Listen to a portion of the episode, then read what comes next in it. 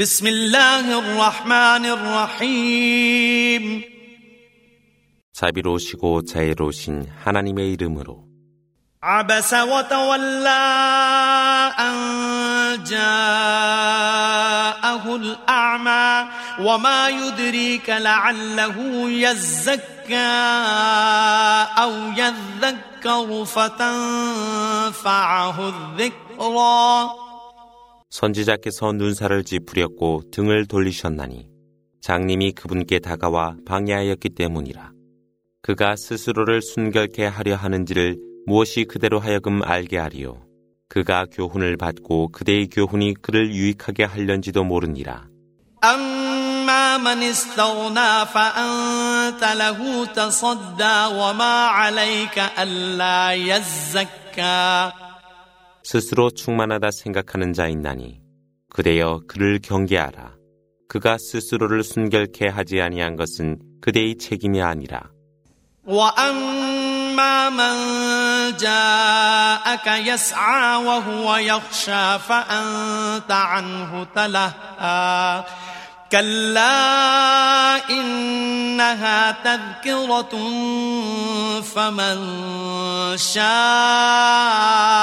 ذكره في صحف مكرمة مرفوعة مطهرة بأيدي سفرة كرام بررة 그러나 진실로 열망하여 그대에게 다가오는 자와 마음속에 두려움을 느끼는 자에게 그대가 그를 소홀히 하였음에 결코 그래서는 안 되나니 그것이 하나님의 교훈이기 때문이라. 그러므로 원하는 자에게 그로 하여금 교훈을 간직하도록 하라. 그것은 명예롭게 기록되어 있으며 순결하고 성스럽게 그리고 명예스럽게 서기들의 손들에 의해 기록되나니 영광스럽고 고귀한 것이라. قتل الإنسان ما أكفره من أي شيء خلقه من نطفة خلقه فقدره ثم السبيل يسره ثم أماته فأقبره ثم إذا شاء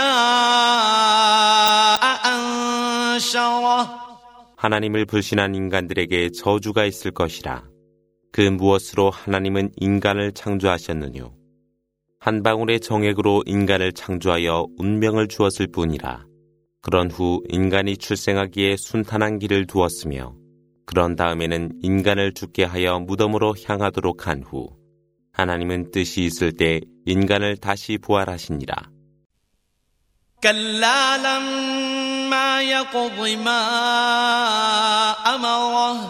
فلينظر الإنسان إلى طعامه أنا صببنا الماء صبا ثم شققنا الأرض شقا فأنبتنا فيها حبا وعنبا وقضبا وزيتونا ونخلا وحدائق غلبا وفاكهة وأبا متاعا لكم ولأنعامكم 실로 인간은 하나님이 명령한 것들을 수행치 않노라.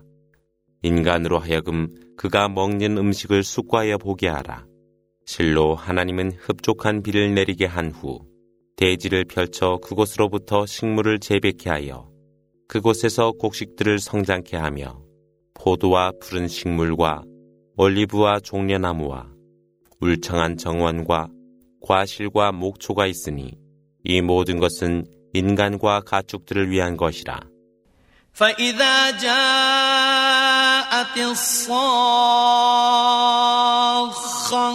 يوم يفر المرء من أخيه وأمه وأبيه وصاحبته وبنيه لكل امرئ منهم يومئذ شأن يغنيه وجوه يومئذ مسفرة ضاحكة مستبشرة ووجوه يومئذ عليها غبرة ترهقها قترة أولئك